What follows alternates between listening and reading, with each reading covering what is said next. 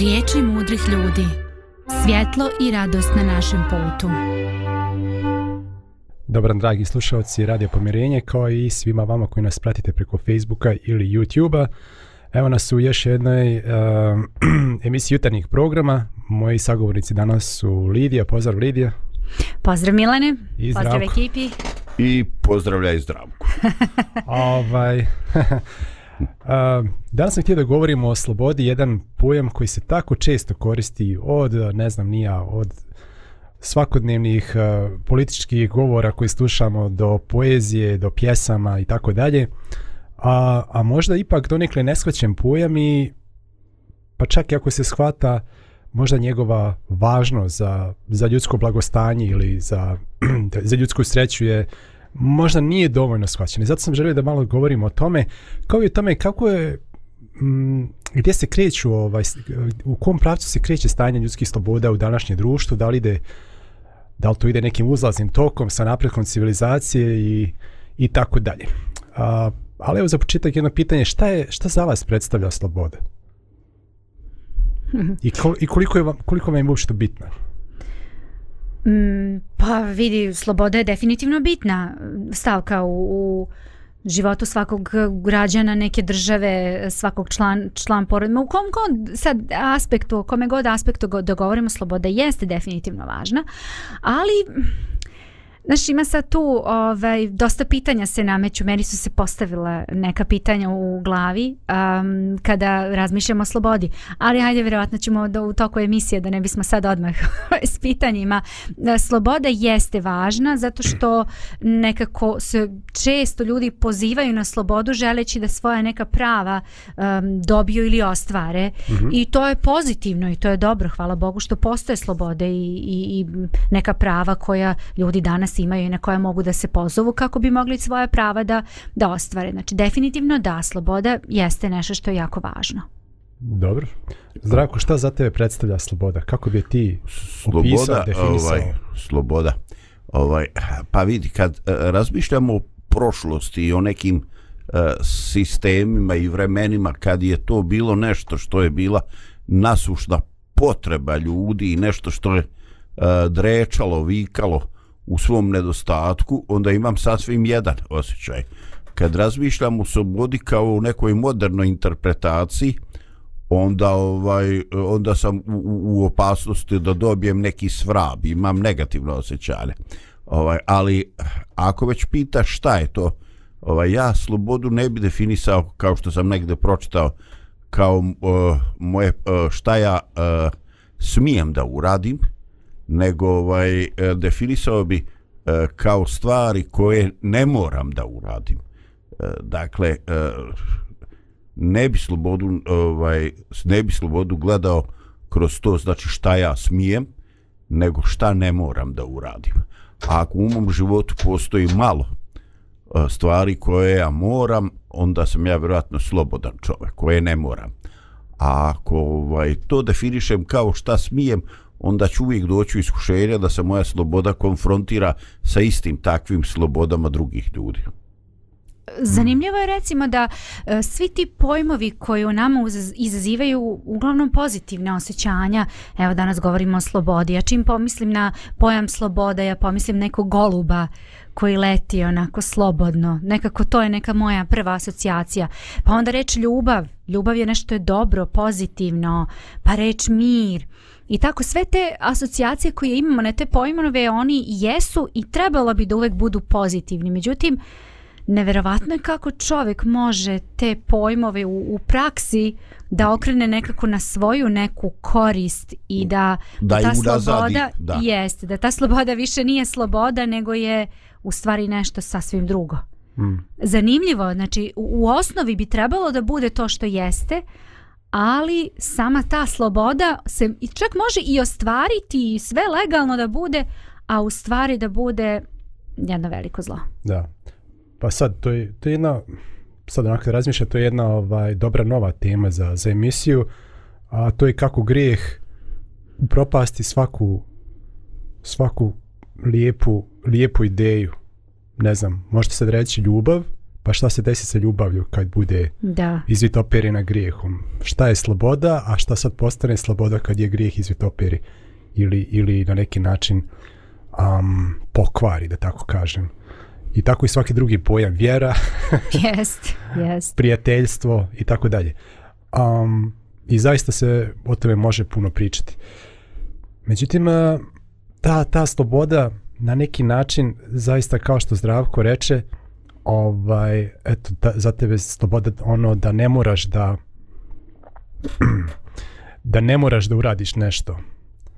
Da je to mm -hmm. sloboda. E, ja se sjećam kad sam eto, pade mi na pamet, kad sam bio u vojsci, a nisam dugo bio, nisam da sada nešto ne priča, neke priče velike, ali um, u principu... Ti si ona generacija, jel? Koja je malo... pa on je posljednji, da. Da, da.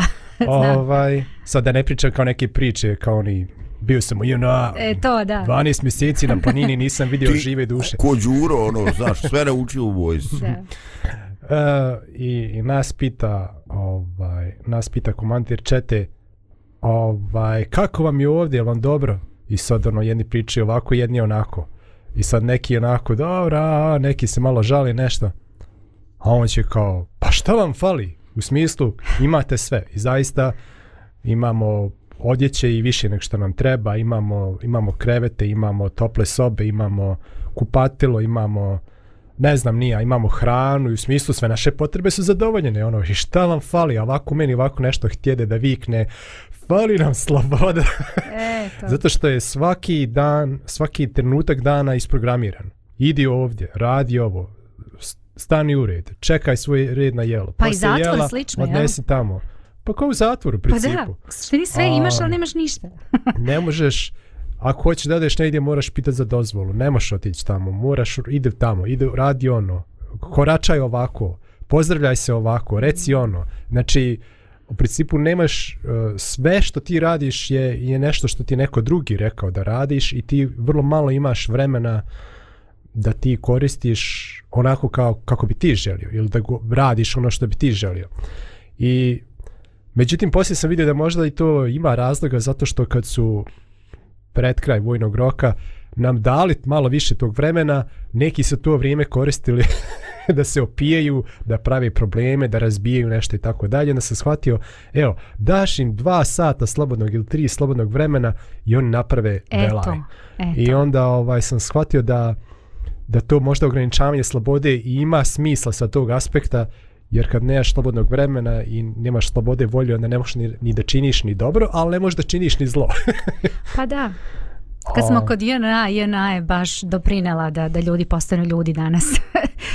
By the way, to je u, ovaj, totalno usput priče, ali uh, e, htjela sam reći baš to, kako ljudi koriste, znači čak i dobiješ tu neku slobodu, ne znam, ljudi dobiju vikend, dopus neki, kako ga koriste? Znači, neko pa, od... da. pa to. Pa to. Pa ljudi, eto, mogu vam reći ovo, glavno kad ne, kako, kako ti je bilo na yes, sa vikend? Yes. Da, jo, jesam se olešio. Ne, to. I sad je ono, kao nisam znao za sebe, tako sam se kao napio. I to je sloboda, da. I sad ja, pa dobro, to je sloboda i sad je to njegov način kako da, da se iživi, kako da se dobro provede. Uh, ali ja sam razmišljao od svih mogućih stvari koje mogu da uradi na svijet. On se olešio. On se olešio, nije znao za sebe, tamo ide povraćao i, ovaj, i, ja. onda, i što je naš najsmešniji to onda prenosi kako je ono super bilo. da, da, da. da. Ko, dobro. A, tako da, da sloboda jeste, jeste ne samo pravo, već i odgovornost tu sad. Ali nije, nije, nije, nije bio moj cilj toga da idem na to. Aha, ne možeš ti imati previše slobode. Već sam zaista mislio da govorimo o, o, o o slobodi kao, kao pravu ili mogućnosti da činimo ono što, što, što smatramo da je ispravno ili što je ispravno. Sad to zavisi od tumačenja. Evo nekih osnovnih evo nekih osnovnih a, ljudskih prava po ujedinjenim nacijama. Prvo je pravo na život i slobodu. Znači ne samo da imaš pravo da živiš, da nije, to znači da nema niko pravo da ti uzme, oduzme život, bilo pojedinac ili, ili, ili vlasti a, i da niko ne može da ubije drugu osobu. A također i pravo na slobodu, znači da ne samo da možeš da živiš, već da možeš da živiš, ili tako, ako e, slijediš zakone i ako ne narušavaš prava drugih, da možeš u principu da biraš gdje ćeš da živiš, gdje ćeš da radiš, a, s kim ćeš da se družiš, koje knjige ćeš da čitaš i a, e, kako obrazovanje ćeš i da li ćeš da imaš i tako dalje. A, I mnoga druga još, mnoge druge još slobode. Drugo jeste um, sloboda od robstva i mučenja. Treće je pravo na slobodu misli, vjeroispovijesti, mišljenja i izražavanja. Zatim pravo na rad i pravo na obrazovanje. I to su neka osnovna, znači ne neka sad neka fina, neke finese. Na, napredna neka. Neka duža. napredna, je li tako? da. Ova, ja imam pravo da, ne znam, nija, biram kojeg sam pola, tako, nije tako napredno, ovo su neka osnovna, je li tako? Sad će neko da kaže, pa ovo je osnovno, ali ovaj, um, neka prava koja, koja su esencijalna da, da, bi, da bi čovjek mogao da živi svoj život u punini. A, uh, međutim, ja ono što, što bih želio da ukažem u ovoj emisiji da, da čak i ova osnovna prava, neka koja mi podrazumijemo da su, da, su, da su nam data, da su ugrožena i da taj trend nije pozitivno u smislu ok, sa, kako vrijeme prolazi imamo sve više prava, već, već da ih imamo sve manje. I kakav naš stav treba, treba, treba da bude prema tome? O tome bih želio da razmišljamo u današnjoj emisiji. Ali prije što ne počnemo na konkretne stvari, možda da napravimo jednu muzičku pauzu. Maša, ide muzička pauza. Pauza.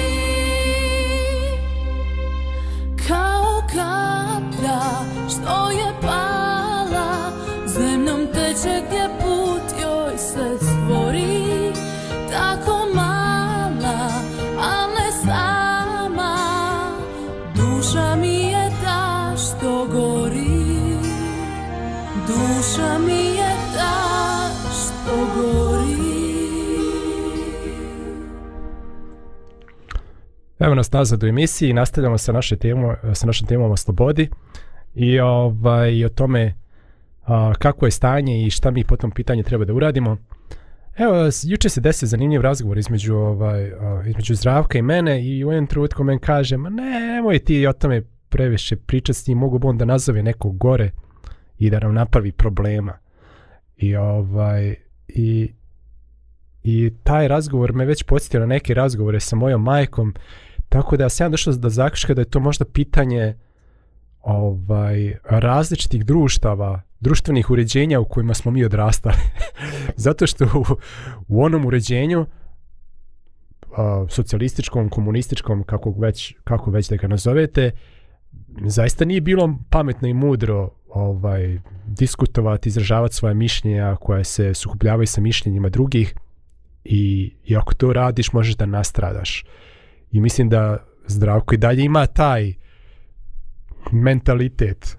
Mm -hmm. Dok s druge strane, za mene, a, ako mi već zabraniš, za mene, a, a, kako bih rekao, životno pravo i sloboda da kažem svoje mišljenje koje nije uvredljivo niti lažno. Znači, mišljenje do kog sam došao nekim istraživanjem, razmišljanjem, uh, i koje drugome saopštavam sa poštovanjem. Znači ne vrijeđanje njegove ličnosti niti njegovog dostojanstva. I ako nemam na to pravo, onda mi možeš i vezati ruke i staviti me u tamnicu. Ali, ali barem ću, a čak i ako imaš mogućnost da mi to nekako zatvoriš u usta, imaš neku moć, ja ti barem na, neću dati tu moć bez borbe. Morat ćeš da malo se pomučiš i da, i da se napatiš da bi, da bi sproveo na meni tu silu. Um, Tako da, sad sam ja možda, kad su bili neki, neka javna izražavanja, neslaganja sa nekim stvarima, ja se nisam, ja se nisam libio toga. I međutim, a, ni baš tako sve, možda o teme da budem govorio poslije, ali recimo u, u zaista u, u, u, u takvim a, režimima koji se nazivaju totalitarnim, što otprilike znači da vlast nema samo a, a, pravo odlučivanja ne znam, nad, budže, nad budžetom i gdje će se korist novac u razvoj ekonomije, infrastrukture, energetike, kako će biti obrazovanje, već, već ta vlast zadire i u pitanja a, gdje ćeš, s kim, se, da ćeš, s kim ćeš da se družiš, s kim razgovaraš, kakve knjige čitaš, a, gdje, gdje putuješ i zašto i gdje, ne znam, nija, um, šta vjeruješ i, i, na, i na koja mjesta ideš i tako dalje. Znači zadiri neke vrlo intimne uh, dijelove uh, života svakog pojedinca u tom društvu i onda se takvo društvo nazivaju totalitarnim. I recimo u komunizmu je tako bilo i um, jedan autor koji se zove Rod Dreher napisao je knjigu Live not by lies, recimo da prevedem ne živi lažima, u kojoj on navodi um, jedan svoj intervju koji je imao sa ženom koja je izbjegla iz uh, komunističke Čehoslovačke, mislim u Sjedine države. I ta žena je ovaj um, i ta žena je to doživjela to da su njoj, da su nju proglasili katoličkim špijunom i stavili u zatvor na četiri godine. A bila je katolički špijun zbog toga što je odbila da, da se povinuje vlastima i nastavila da ide u crkvu. Znači to je, to je bio taj njen uh, tanjen, da pod navodnicima zločin. I onda je ovaj, nakon toga što je izašla iz zatvora, ona, ona pobjegla iz zemlje, emigrirala u Sjedinjene države.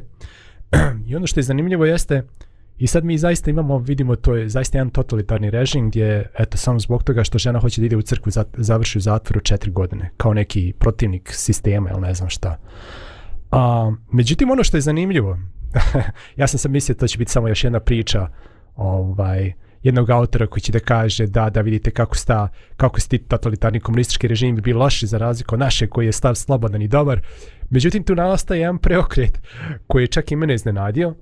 A gdje je ta žena rekla da da ono što je, da te neke trendove koje, ko, od kojih je pobjegla iz, uh, uh, primjećuje u, u zemlji koji je došla.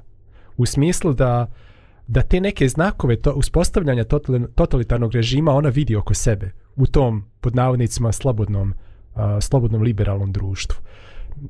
Zašto? Pa ona primjeći da su ljudi prestrašeni da kažu ono što zaista misle. Da ljudi gube, ostaju bez biznisa ili gube poslove zbog pod navodnicima pogrešnog mišljenja. Kako se formiraju, neki, uh, formiraju rulje iz, iz ideoloških razloga kako bi prognali ljude na margine društva recimo a, ti imaš neke stavove a, recimo imaš neki hrišćanski stav a imaš svoj neki kao privatni biznis i sad neka rulja se formira i recimo a, a, i stanu pred, tvoj, pred tvoju radnju ili, ili šta već imaš i tamo protestuju i, svi, i kogo bi htio da uđi nešto da kupi ili nešto da na, nabavi od tebe oni, oni ovaj obeshrabruju tjeraju takve ljude i, i vrše maksimalnu negativnu reklamu kako bi tvoj biznis propao, što se najčešće i desi. I onda tako čovjek eto, nije otišao u zatvor, je tako, nije, nije ga sad niko pretukao, ali su ga lišili sredstava za život i on, i on mora da gleda kako će da preživi. Mhm. A... I ko je organizovao tu ekipu? Sam spontano se organizovao to je pitanje sad, dobro pitanje, ali tako, koje je organizovao ekipa, ali očigledno da, da se organizuju takve ekipe. Ali ja mislim da čak nije potrebno da se da ih neko organizuje, već je potrebno samo da nafiliš glavu, glavi ljudima nekim idejama i, i, i sa nekim, kako bih rekao, ekstremizmom, u smislu da svako ko se ne, ne, ne pokorava tim idejama ili ko drugačije misli je jako zao i, i, i da ga treba spriječiti i dovoljno da napuniš ljude takvom ideologijom i oni sami idu učine zlo. Mm. Znači, ne, ne moraš ti sad njih da organizuješ, ja ljude se skupimo, da linčujem ovoga, samo je dovoljno da im, da im nafiluješ glavu nekim idejama ekstremnim i mržnjom, oni se sami već organizuju. Da. To je moj mišljenje. Imaš onda preko društvenih mreža uputiš bar poziva. Jeste, kažeš, nije potrebno puno. I to je to. To je to. Ljudi, ovaj radi, to je to. Ne smijemo to dopustiti. Idemo se okupiti da pokažemo i ljudi, pošto su već takvim idejama mhm. indoktrinisani, mm -hmm oni jajmo i tako to nije, nije to posebno teško a već je već je znači taj taj ako proces indoktrinacije je uspješan onda organizacija samih tih rulja nije nije toliko nije toliko teška a zatim stvaranje iskrivljenog jezika u službi ideološke agende i kako ne samo država već i privatne institucije navode ljude da o sebi razmišljaju u vidu grupnih identiteta kome pripadaš jesi ti ovaj jesi ti onaj a ne u vidu individualnih prava. I sve je ovo dio totalitarnog načina razmišljanja.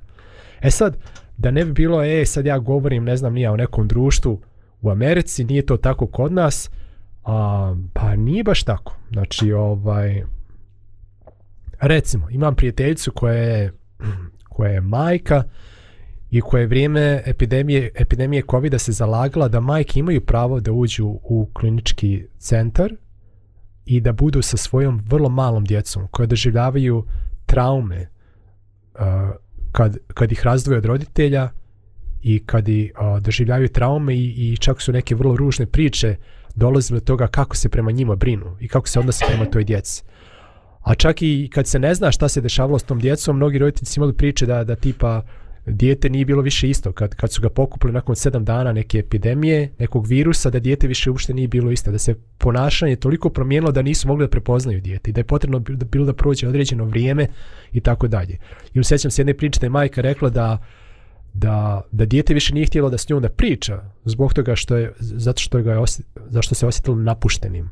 Znači, najveći strah koji dijete ima mm -hmm. od svega što, se, što ga može zadesiti na ovom svijetu jeste da ga roditelj ostavi. ostavi. Okay. A, I sjećam se, Scott Peck je o tome pisao da, da, da, da djeca shvataju svoju zavisnost od roditelja. Stoga za njih, kad, kad mu roditelj kaže napustit ću te ili ostavit ću te, za njih to znači prijetnju smrću.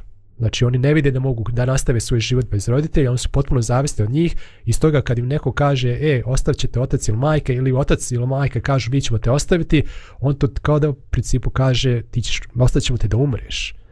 I i djeca su proživljavala strašne traume i ta moja prijateljica se zalagala samo eto da po, u skladu sa praksom koja pusti u mnogim zemljama se dopusti majkama a, da budu sa djecom, a ona će ako treba neće izlaziti iz bolnice u smislu stvaranja rizika da mm-hmm. majka izađe iz bolnice, pokupi virus pa dođe u bolnicu pa ga već će se testirati, nositi svu potrebnu opremu, uh, a ako treba i plaćati svoju, znači sve moguće, evo, i pla, plaćat će i svoj smještaj u bolnici mm -hmm. ako treba samo da se pravno dopusti takva mogućnost.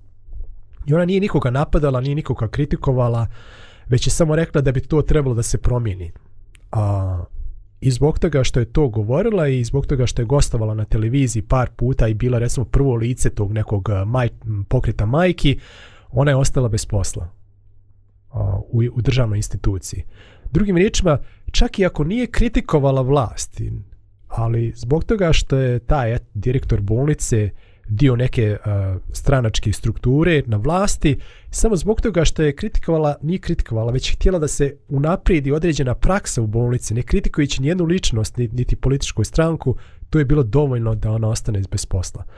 Uh, sjećam se također kad su neki moji prijatelji prikupljili potpise za peticiju da se ne gradi određena hidroelektrana, uh, a, zato što bi ona a, značajno promijenila klimu u gradu i zbog toga što bi to jako se negativno odrazilo na, na stepen vlažnosti i, i vjetrova i zagađenosti vazduha. Ima čitav, čitava studija o tome kako bi to utjecalo na, na klimu u gradu.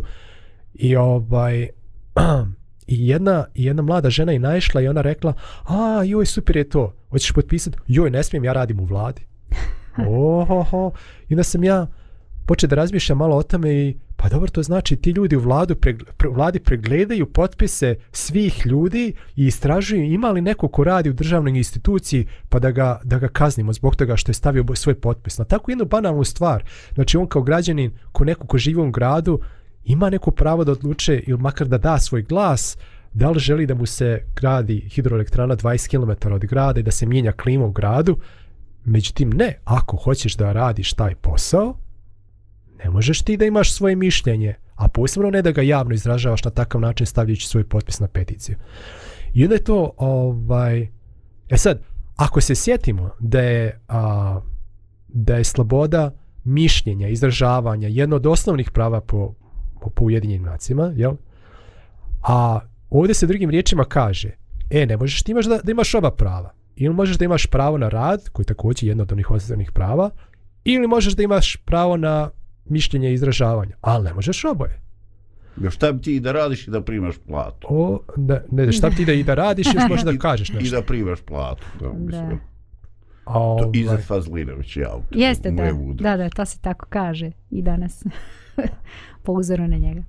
Tako da, a, Tako da to u stvari postavlja da je jednom raču sliku našeg društva, gdje smo mi kao eto sve slobodni, imamo neka sve prava, imamo sve te neke kao zakone koji čak i Ustav garantuje, a u stvari kad uđemo u praksu, vidimo da one iste, nije, ako ne iste, ali malo imamo prefinjenije, ali i dalje totalitarne metode kontrole ljudi. znači, ok, nemamo više zatvore, nemamo više goli otok ili nemamo više Sibir i tako dalje, ali dalje imamo načine na koji možemo da da lišimo ljude sredstava za život ili da ih otjeramo na margine društva i, i na taj način kontrolišemo, kontrolišemo, kontrolišu ljude. A, šta vi mislite o ovome i da li, da li je to nešto što je, što je normalno i da li je to nešto a, što treba da prihvatimo ili ne? Pa ovako, dok ti Zdravko govoriš će reći, sad... treba da. Ne treba. Jo, ne trebam ni da se javljam, ovo ovaj je već počeo da mi čita misli. Toliko ste već dugo zajedno i radite emisije da već znate ko šta misli. Zdravko će reći, ne treba se sa rogatim bosti. da. Opet me tumači. Ljudi, moja osnovna ljudska prava da mislim Stavlja i da izražavam. Stavlja svoje reči u tvoja usta čoveč. Zdravko, ne treba ni da govorim, ja ću reći šta on misli. On će sve reći šta sam ja mislio reći. Apropo današnje priče. Ovo vam je eklatantni primjer primjer kršenja ljudske prava osnovna od, ljudska prava osnovni ljudski prava od uh, člana ekipe koja danas je zadužena za ovu emisiju. Ja još košta govorim o slobodama, a istovremeno ih gažiš. Istovremeno krši moja sloboda kao najstarijega člana ove ekipe. Eto, molim vas da bude pribilježeno u analima. Izvoli, Lidija. Da. O, razmišlj, razmišljam sve vreme, ovaj zanimljivo mi je da da da da slušam. Inače e, ti jako fino uvek ovaj razložiš uh, temu i baš onako sve vreme te pratim. Ovaj idem tvojim tokom Nadam misli. Nadam se da slušaoci misle isto. Da, da. Ovaj, e, i nameće mi se recimo jedan, jedan problem. Ja mislim svako od nas se bar, bar jednom susreo u životu sa tim nekim nedostatkom slobode ili možda dvostrukim standardima kojima se neka sloboda meri. Mm -hmm. Onda imaš jednu slobodu, ali imaš e, drugu slobodu, onda imaš jedno pravo, pa imaš drugo pravo i onda se to često kosi i sukobljava. I onda sad kako odlučiti i kako izabrati? Evo ja ću konkretno reći a, primjer koji smo imali mi u našoj porodici.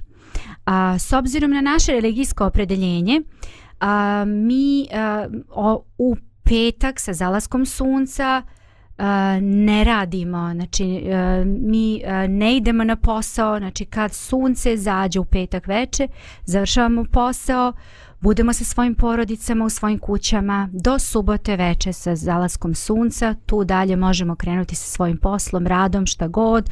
Ako treba da radimo, da idemo na posao, šta god treba, tu smo.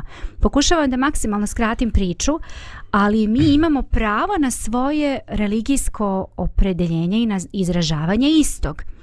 Međutim, naišli smo evo skoro na jedan, jednu situaciju, a to je da je moja čerka upisala školu uh, u kojoj um, nismo naišli na razumevanje direktora i čitave te grupe koja je odlučivala o tome um, kada je u pitanju naš, naša čerka. Uh, mi smo rekli uh, da će ona, s obzirom da ide dve smene, pre podne kad ide, ona će prisustovati nastavi normalno, a u popodnevnim časovima kako sunce ranije zalazi, ona će verovatno trebati možda tri časa, ponekad i četiri, ali to je tako mali broj časova. Ali kako sunce bude ovaj raslo, to jest kasnije zalazilo, ovaj ti će se sati ili časovi gdje će ona o, biti odsutna smanjivati.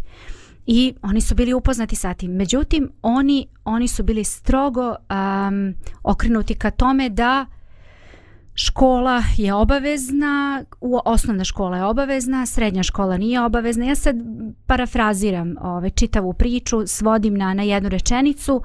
Um, dete mora da pohađa nastavu ukoliko želi da završi srednju školu, postoji određeni fond časova, broj časova, to se neće pravdati kao nešto što je dozvoljeno i kao što je mm. kao nešto što je u redu.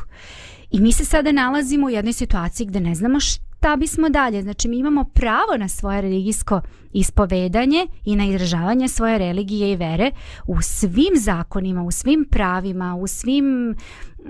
Znači evo, Ujedinjene nacije nam daju, dozvoljavaju to pravo, međutim to pravo se kosi sa školskim sistemom koji ima također svoje prava i pravila pre, po, po kojima funkcioniše. I sad kako se sad tu opredeliti i kako sad naći neku zajedničku tačku? Zašto? Zato što ako ja kažem dobro, ok, školski sistem kaže tako kao što kaže, ja ću se pominovati vašem školskom sistemu, ali to se kosi sa mojim verovanjima. To znači da ja nemam prava i nemam slobodu da izražavam svoju veru onako kako ja želim.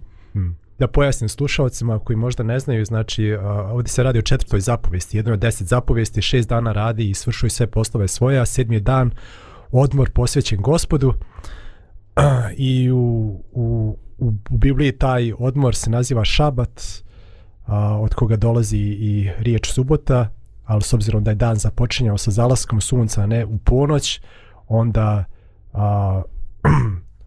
onda uh, onda dolazi od toga da, da, da dakle i taj dan od odmora ili šabat ili subota kako bi neći, neki kažu počinje u stvari ne u ponoć već eto u petak sa zalaskom sunca znači nije u pitanju neka da kažem marginalna neko marginalno vjersko pravilo već već znači jedna, jedna od deset zapovijesti među kojima su i ne znam ne ubij, ne kradi ne, la, ne, ne svjedoči lažno i ne čini preljubi i tako dalje um, ja ne, ne znam šta da kažem, ali evo, znači, to, i, to, i to isto upada u neki opseg onoga što se, temi koje se bavimo u ovoj misiji, da li je bolje pognut glavu i ne, i ne, ne boriti se za...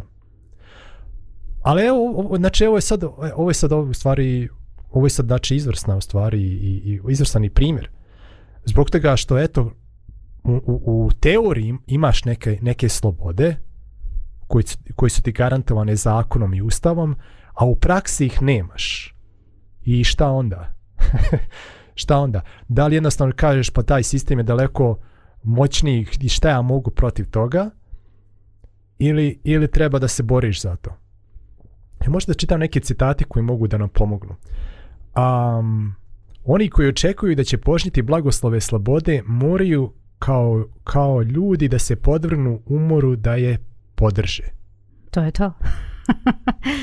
Evo, poznati, nisam, nisam stavio ko je, to, ko je to napisao, ali ostale jesam. Bolje umrijeti boreći se za slobodu nego biti zarobljenik sve dane svog života. Bob Marley, poznati pjevač. Tajna sreće je sloboda, tajna slobode je hrabrost. Kerry Jones. Evo, jedna od Martina Luthera Kinga Jr. Ugnjetač nikada ne daje slobodu dobrovoljno. To moraju zahtijevati potlačeni. Sad, ovaj, čini se da ovi citati imaju neku zajedničku zajednički nazivnik ili zajedničku misao vodilju, a to je da sloboda nije nešto što nam je tek tako dato, stavljeno na tanjiru, već nešto što mi moramo da praktikujemo, da tražimo, da se izborimo, ponekad čak i da se žrtvujemo. A, što znači da, da bez obzira što ti zakon, mislim, sad bi to bio odgovor na, tvo, na tvoje pitanje, da bez obzira što ti zakon nešto omogućava, da ti dalje moraš da se boriš za ono što bi ti trebalo da imaš i, i bez borbe. Ovaj, I kako je sad vaše mišljenje, šta vi mislite o tome? Trebali se boriti za, za, za garantovana prava, uh, ili ne treba i koje su posljedice jednog i drugog izbora? Milane, meni je to prilično, prilično ovaj, e, sve neodrećeno. Ovaj, e, ja jednostavno razmišljam e, od situacije do situacije. Dakle, ovaj, imaš određeni izazov, imaš određenu ovaj potrebu i imaš otežavajuće okolnosti. Dakle, postoje neka pravila igre ugrađene u u sistem i postoji nešto što se zove uh, odre, trenutak. Znači nešto što sasvim glatko prolazi u nekom trenutku, ovaj u drugom trenutku krize ne može proći nikako. Dakle, uh, jednostavno da bi se takva stvar eh, realizovalo, isposlovala, ostvarila, uh, treba biti uh, super, uh, super strpljiv, uh, jer ovaj eh, u tom trenutku to ne može pre, ovaj provoći jer bi ono za sobom recimo povuklo neku još neke uzročno posljedične neke druge događaje o kojima mi ovaj eh, ne razmišljamo.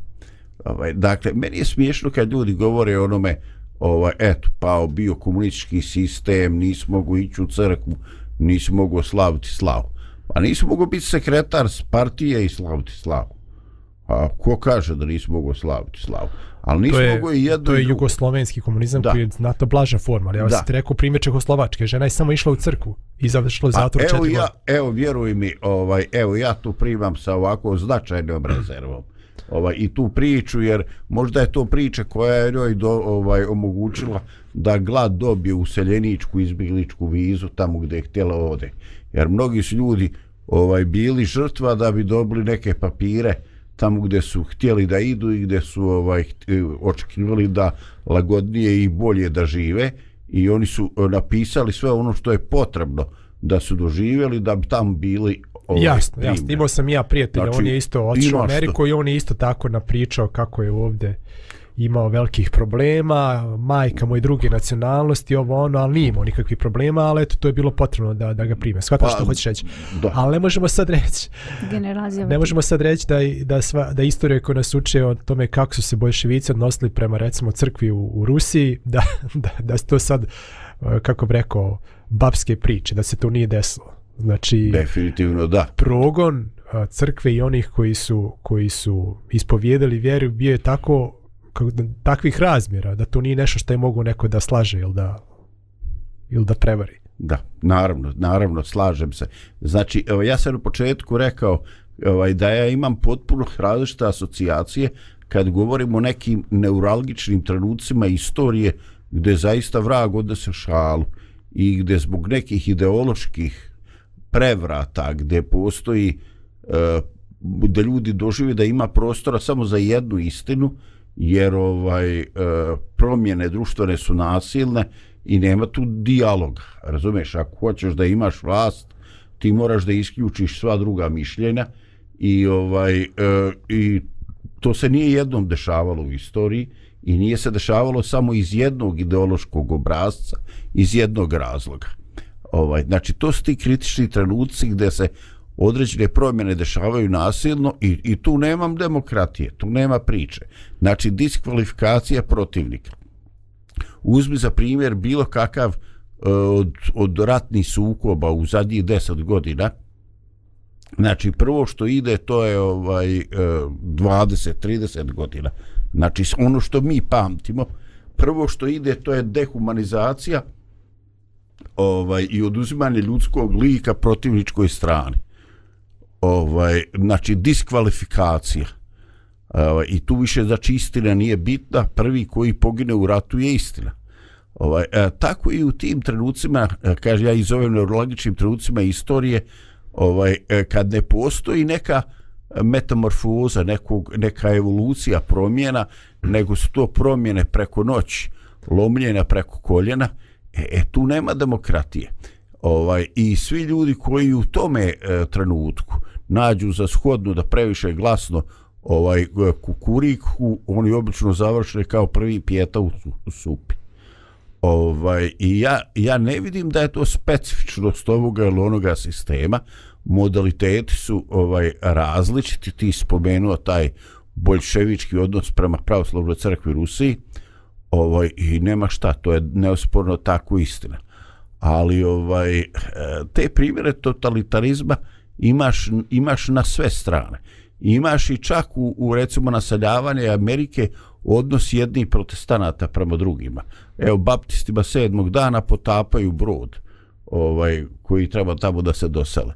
Znači, e, postoji nešto što jednostavno nosi vrijeme i u tom vremenu ovaj ljudi nisu spremni. Ajde dobro da, da, da ne bude da. da. ne teoretišemo o vremenu i prilikama, ajde kažemo ovo vrijeme i ova, ovo podneblje.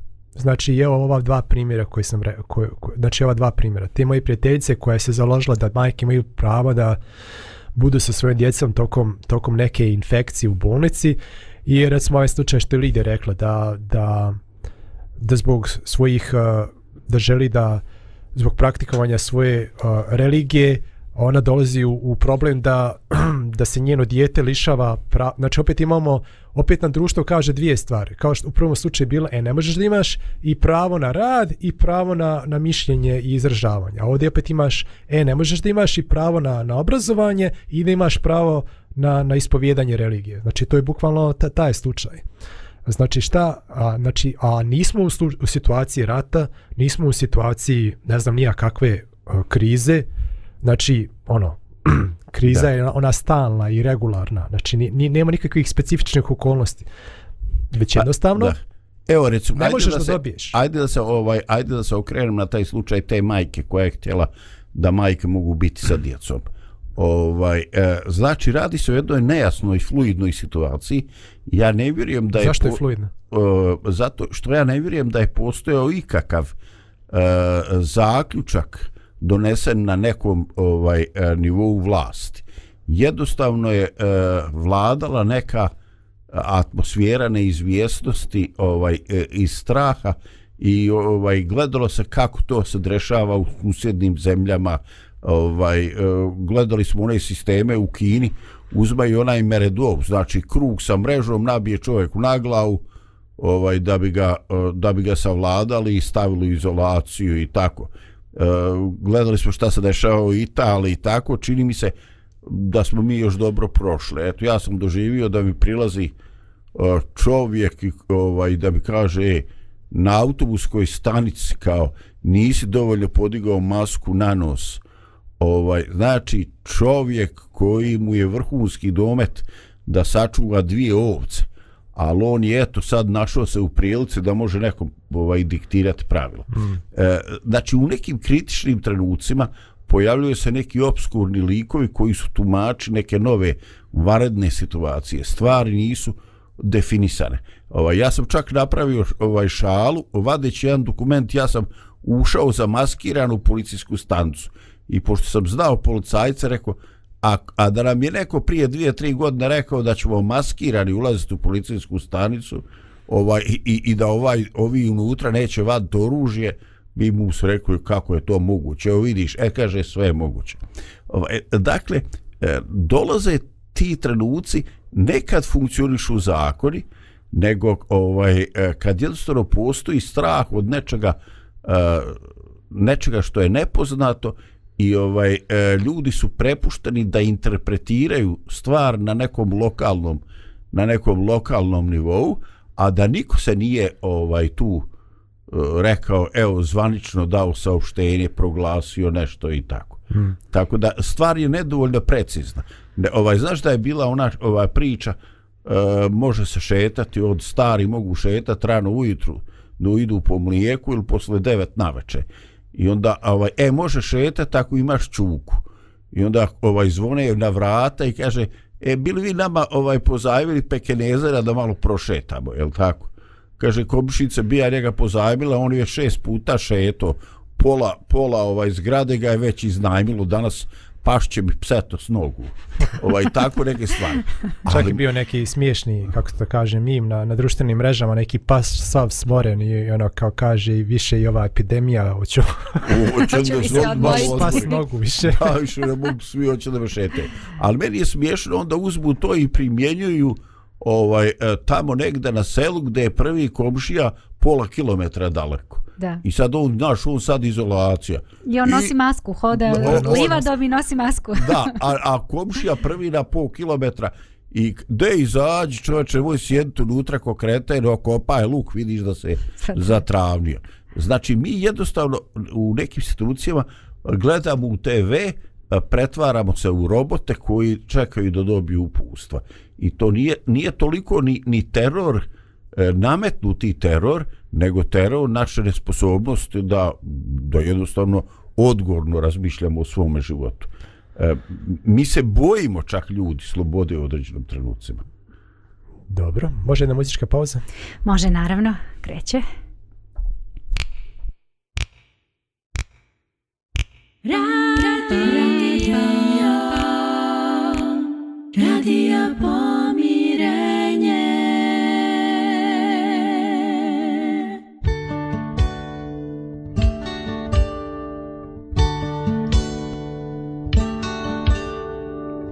sve doline i gore kažu tko si ti ljetni lahor šapće tvoje ime svaka ruža kada stane nosi ti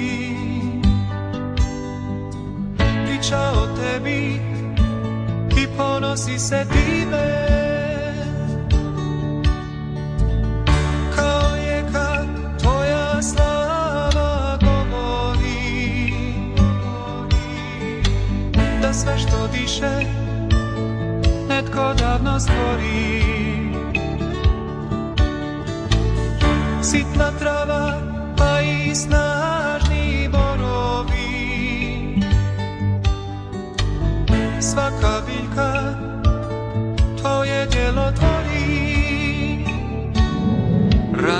se zemlja sva Jer svi smo njegovi Raduj se na sam vas Kličite brjegovi I ti vojsko nebeska Daleki svjetovi Svako ime nekde proslavi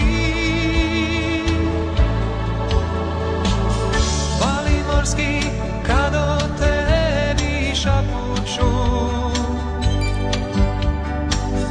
Klasbom šume zorom obliveni Čak i vrapci što po zemlji skakuću Pjesmom radom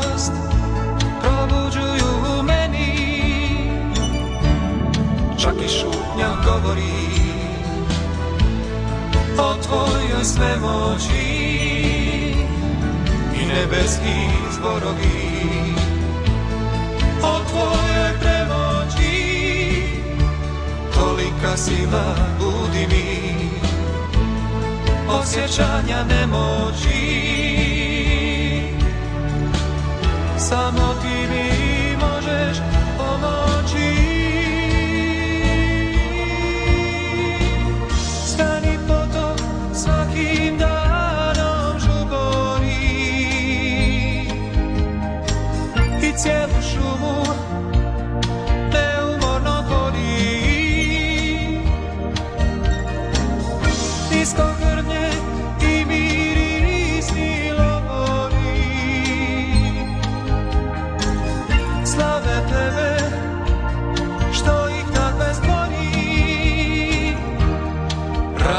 se zemlja sva Jer svi smo njegovi Raduj se na sam vas Pričite brjegovi I ti vojsko nebeska Daleki svjetovi Plemena zemaljska Jer svi smo ovi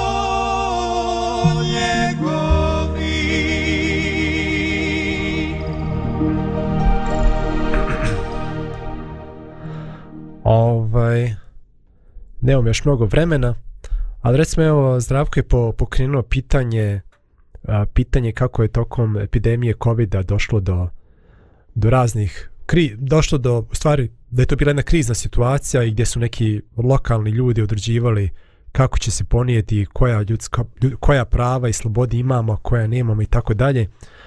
Uh, za mene je to jedan uh, jedan veliki primjer kako, kako neke ljudske slobode za koje smo, koje smo smatrali ne, neprikosnovenim, koje smo uzimali da su garantovane, samo preko noći mogu biti oduzete.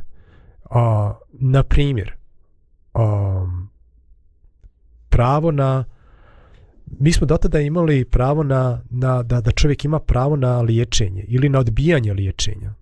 Tako, na primjer, ako neki čovjek uh, a, ne želi da bude oživljavan u slučaju da mu srce stane, on potpiše neku izjavu i ljekari, iako mogu da ga ožive, on nemaju na to pravo. Zato što je taj čovjek izabrao, ja neću da me oživljavaju.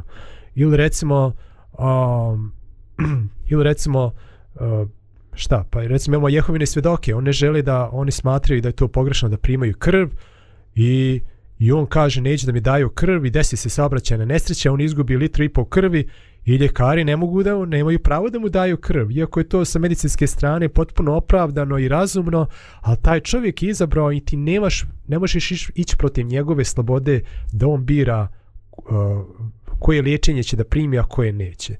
Međutim, tu se u toku COVID epidemije odjednom to pravo kao da više ne postoji. mm -hmm. Odjednom moraš da primiš. A ako ne primiš, ostaješ bez posla, nemaš pravo da izađeš iz kuće. Drugim riječima, uh, šta se ukidaju? O, opet se ukidaju neke elementarne slobode. Znači moraš ili da biraš da imaš pravo nad svojim tijelom i nad izborom liječenja, a ili da imaš pravo da na rad i slobodu kretanja. Da, znači, i... opet, opet moraš, e, ne možeš da imaš jednu i slobodu i drugu, opet imamo isti princip. Ali hoću da kažem, to se pravdalo um, trenutnom situacijom i s obzirom na um, epidemiju, onda sva ljudska prava više nisu Čak i osnovna ljudska prava su na neki način ograničena jer ne možeš ti da imaš apsolutna prava u situaciji epidemije. Znači, za sve je postojala neka vrsta opravde, opravdanja, ali, ali... ali, ali, postoje, ali, ali, ali, ali već, da. već u toku same epidemije je bilo poznato da, da, da, da vakcinacija ne sprečava širenje virusa. Tako da sve te nekakve uh, svah ta nekakva opravdanja takvih ekstremnih totalitarnih mjera su bila totalno naučno neosnovana. Znači, nije bilo nikakve a, nije bilo nikakve šanse da sad kao eto ti si vakcinisan, sad ti možeš da ideš ulicom, možeš da putuješ i napustiš zemlju, a ti nisi vakcinisan, ti ne možeš ići čak i na posao, izgubćeš posao. Znači što je potpuno neopravdano jer jer nije uočeno da, da, da vakcinacija sprečava širenje virusa i to se znalo već prilično rano. Uh, a međutim i dalje se, insistir, insistir, insistir, se insistiralo na takvim mjerama ja mislim da je tek doskora evo možda do prije par mjeseci u Sjedinjene države nisu mogu ući ako nisu vakcinisani onda su kao pred tamo onaj turnir kad je Djokovic trebalo da ide onda su kao to napokon promijenili pravilo a to se zna već dvije godine da, da vakcinacija ne sprečava širenje virus ali dalje taj to pravilo stoji um, dalje uh, pravo na slobodu mišljenja i izražavanja. Znači, nije bilo moguće da neki ljekar ili doktor kaže nešto, a da to ne snosi neke negativne posljedice. I a, u smislu, kao ne možeš ti, šta ti znaš, ti ne znaš ništa o medicini, ti moraš da vjeruješ nauci, a onda recimo istovremeno čuješ kako otpuštaju 40.000 medicinskih radnika u Sjedinim državama zbog toga što nisu, nisu htjeli da se vakcinišu. Pa dobro, jer oni koji su završili medicinske fakultete, i medicinske škole imaju 10, 20 ili 30 godina iskustva rada u zdravstvu, oni nemaju znanja o medicinskoj nauci, a, a, a ja treba da ga imam.